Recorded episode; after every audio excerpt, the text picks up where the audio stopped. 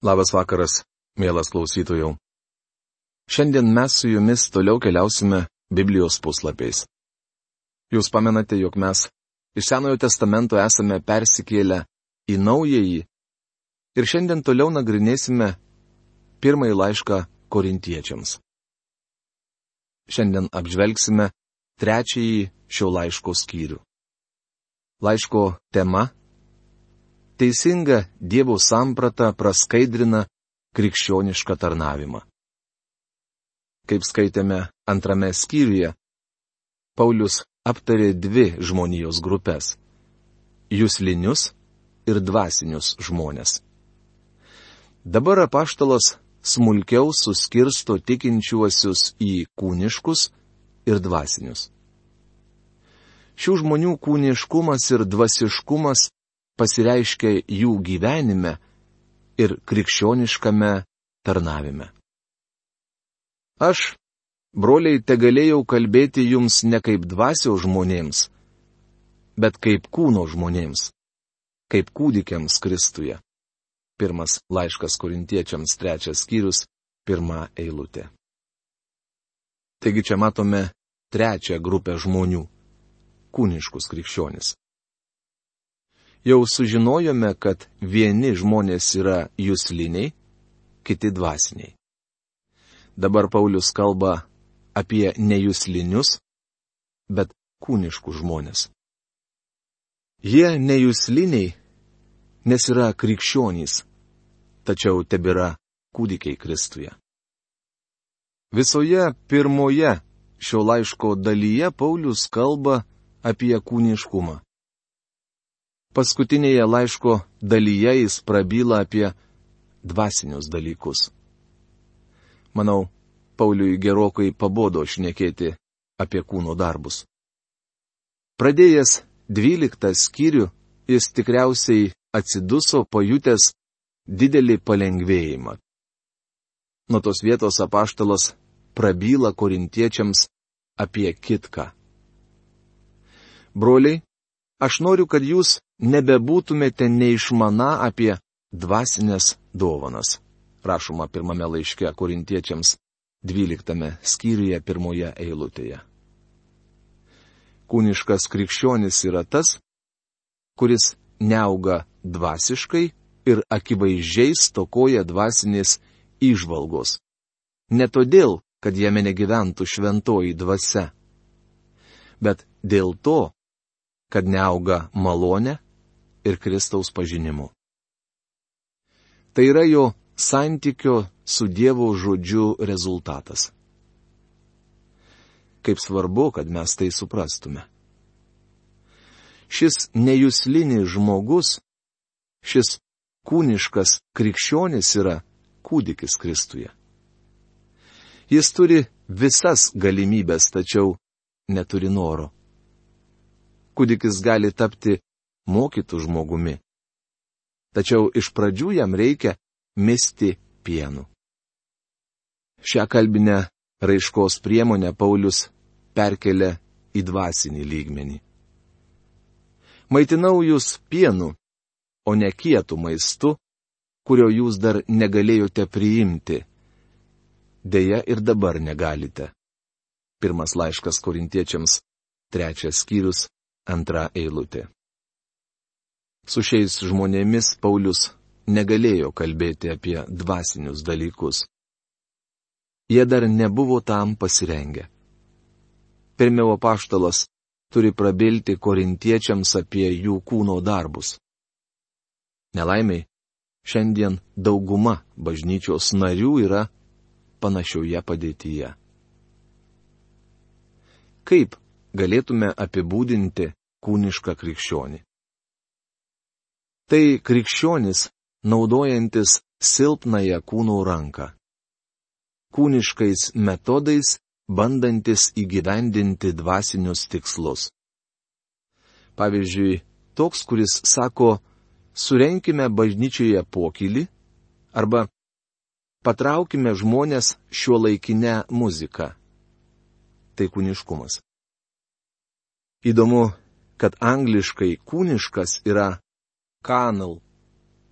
Lotiniškai ir prancūziškai karna reiškia jausminis, jūslinis.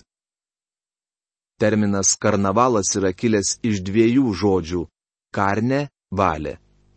Tai reiškia viso gero kūne. Matote, karnavalai vykdavo prieš gavėnę. Gavėnios metu būdavo atsisveikinamas su kūnu, atsisakant tam tikrų kūniškų malonumų. Taigi prieš pat gavėnę žmonės prisirydavo, prisigerdavo bei tenkindavo kūno norus visais kitais įmanomais būdais. Tad vėliau visą gavėnę galėdavo apseiti be to. Puikus pavyzdys yra naujajame Orleane vykstantis Mardy Gra nuodėmės karnavalas. Mardy Gra išvertus reiškia riebusis antradienis.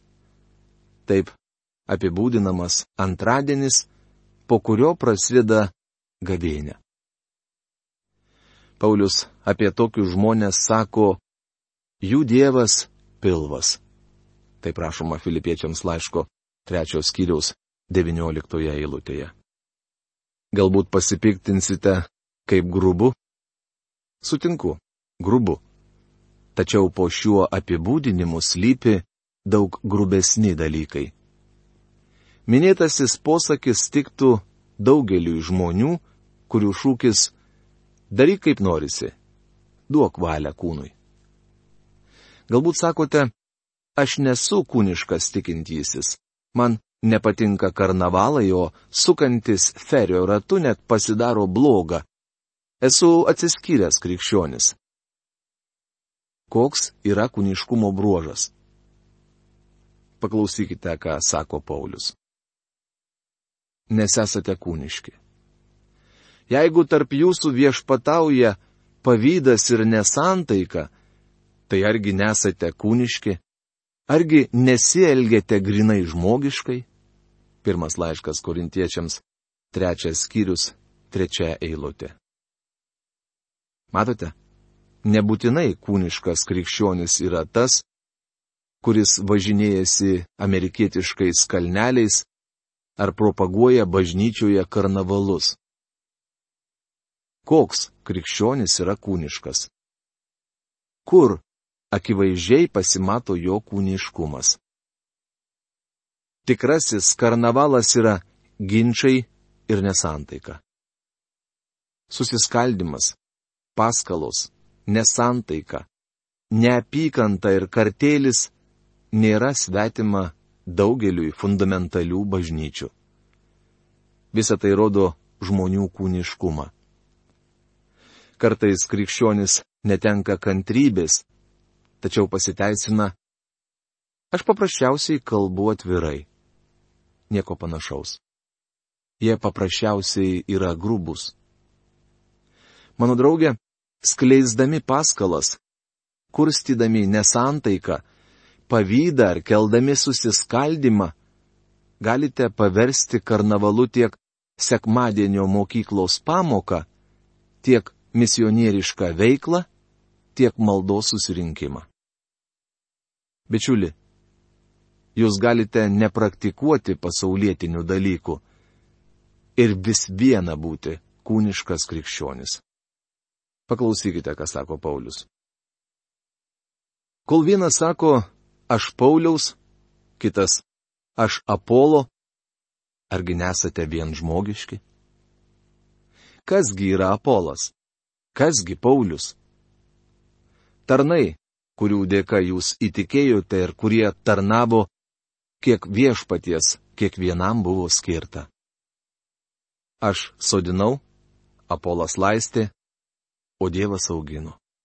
Pirmas laiškas korintiečiams, trečias skyrius, ketvirta, šešta eilutės. Apaštalas sako, abu mes esame Dievo darbininkai. Paulius buvo misionierius. Jis laimėdavo naujas teritorijas. Tuo tarpu Apolas į šias sritis vykdavo pamokslauti ir auginti šventuosius. Abu jie buvo Dievo tarnai. Nieko nereiškia sodintojas nei laistytojas, bet tik augintojas Dievas. Pirmas laiškas korintiečiams, trečias skyrius, septinta eilutė. Svarbu ne kas pamokslauja, bet ar Dievas naudoja pamokslininką. Jei Dievas jį naudoja, tuomet Dievui ir turėtų atitekti nuopelnai už pasiekimus.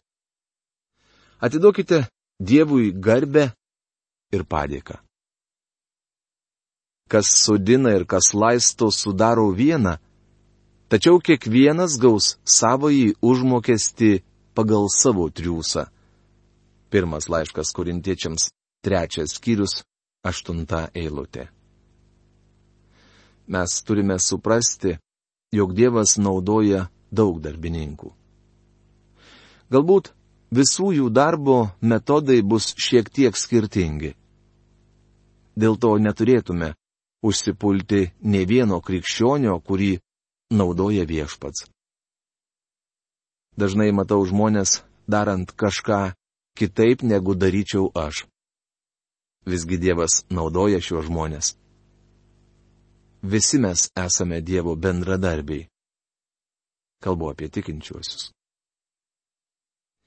Mes juk esame Dievo bendradarbiai, o jūs Dievo dirba Dievo statyba. Dievo man suteikta malonė aš, kaip išmanus statybos vadovas, padėjau pamatą, o kitas stato toliau.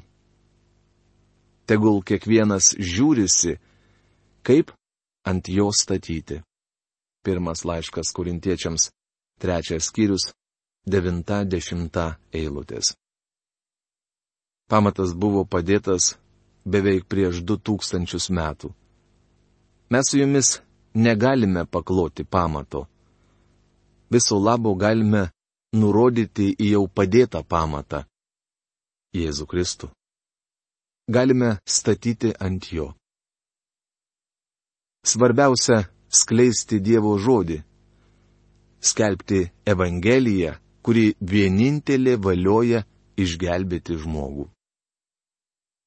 Juk niekas negali dėti kito pamato kaip tik tą, kuris jau padėtas. Tai yra Jėzus Kristus. Pirmas laiškas kurintiečiams, trečias skyrius, vienuolikta eilutė. Ar statote ant jo? Tai svarbus klausimas kiekvienam tikinčiajam. Jūs atėjote pas Kristų be savo darbų. Atėjote neturėdami nieko, kad gautumėte viską buvote užkeltas ant uolos, kuri yra Kristus. Dabar galite statyti ant šio pamato. Štai čia atsiranda vietos geriems darbams.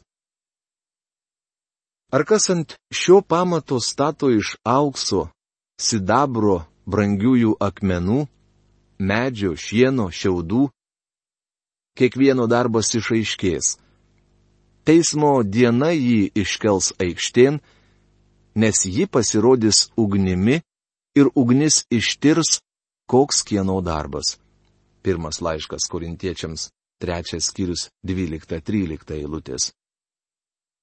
Paulius sako, kad ant padėto pamato mes galime statyti iš šešių skirtingų medžiagų - aukso, sidabro, brangiųjų akmenų, medžio, šieno ir šiaudų. Pirmųjų trijų ugnis nepaveikia. Iš tikrųjų ji išgrynina auksą, sidabrą ir brangiuosius metalus. Tačiau paskutinės tris medžiagas ugnis sunaikina. Medis, šienas ir šiaudai virs dūmais. Tikintysis gali pasirinkti iš kokios medžiagos statyti - aukso, sidabro, brangiųjų akmenų, medžio, šieno ar šiaudų. Tai rodo, kad tikintysis gali užsitarnauti užmokesti. Jei žmogaus statinys pastatytas ant padėto pamato išliks, jis gaus atlygį. Kieno statybos darbas ant to pamato išliks, tas gaus užmokestį. Pirmas laiškas korintiečiams, trečias skyrius, keturiolikta eilutė. Tai yra jis gaus užmokestį, jei statys iš aukso, sidabro ir brangiųjų akmenų. Šiandien pasaulyje yra daug puikių Dievo šventųjų. Su kai kuriais iš jų man teko bendrauti asmeniškai ir laiškais. Dievas naudoja šiuos žmonės iš ties nuostabiai. Jie stato ant padėto pamato iš aukso. Kaip žinote, mažas aukso gabalėlis nėra taip aiškiai pastebimas, kaip krūva šieno. Galbūt tik Dievas žino, jog tai auksas. Šieno krūva kas kita. Lygioje vietoje ją galima matyti iš 10 o gal net 20 km atstumu. Daugelis žmonių stato šieno krūvas, visi girdi apie jų darbus. Tačiau vieną dieną jų šieno pilys bus ištirtos ugnimi ir tuomet iš jų neliks nieko. Tas pats laukia ir statinių iš medžio bei šiaudų. O kieno darbas sudegs, tas praras užmokesti. Jis pats išsigelbės, bet tartum per ugnį. Pirmas laiškas korintiečiams trečias skyrius, penkiolikta eilutė. Matote kontrastą? Kieno statybos darbas ant to pamato išliks, tas gaus užmokestį. Tačiau kieno darbas pavirs dūmais, tas siaubingai daug neteks, nors pats bus išgelbėtas. Jei žmogus stovi ant pamato, tai yra pasitikė Kristumi, jis nepraras išgelbėjimo, nors ir negaus jokio užmokesčio. Bičiuli, ką šiandien statote jūs? Kokią medžiagą naudojate statybai? Jei statote iš aukso, jūsų statyba dabar gali netrodyti labai įspūdinga. Tuo tarpu, jei statote didelį šieno kūgį, Jis matysis iš tolo, bet vieną dieną pavirs dūmais. Aš dažnai sakau, jog danguje bus žmonių, kurie atsidurs ten dėl to, kad jų pamatas Kristus. Tačiau jie smirdės dūmais, tarsi būtų nupirkti per liepsnojančių kainų išpardavimą. Visi jų darbai supleškės ir virs dūmais. Šie žmonės negaus užmokesčio už savo darbus. Jei esate kūniškas krikščionis, negalite tikėtis užmokesčio, nes negyvenate teisingame santykėje su Dievu per jo žodį. Kūniškas krikščionis nepažįsta Dievo žodžio. Matote, tris žmonių kategorijas, kurias pamini Paulius, apibrėžia jų santykis su Dievo žodžiu. Jūslinis žmogus sako, kad tai kvailystė. Dvasinis žmogus pažįsta Dievo žodį ir semėsi iš jo dvasinės įžvalgos. Kūniškas krikščionis sako, užuot studijavę Bibliją, iškelkime puotą arba, užuot klausėsi Dievo žodžio mokymo, pasiklausykime muzikos. Štai iš ko galite pažinti kūnišką krikščionį. Argi nežinote, kad jūs esate Dievo šventykla ir jumise gyvena Dievo dvasia? Jei kas Dievo šventyklą niokoja, ta Dievas suniokos, nes Dievo šventykla šventa. Ir toji šventykla tai jūs.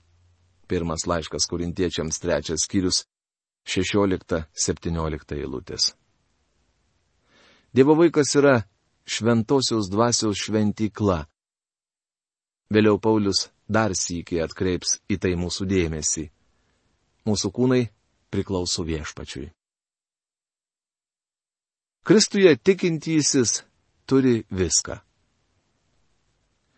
Tegul niekas savęs neapgaudinėja, jei kas iš jūsų tarėsi esas išmintingas šiame pasaulyje, te pasidaro kvailas, kad būtų išmintingas. Pirmas laiškas korintiečiams trečias skyrius, aštuoniolikta eilutė.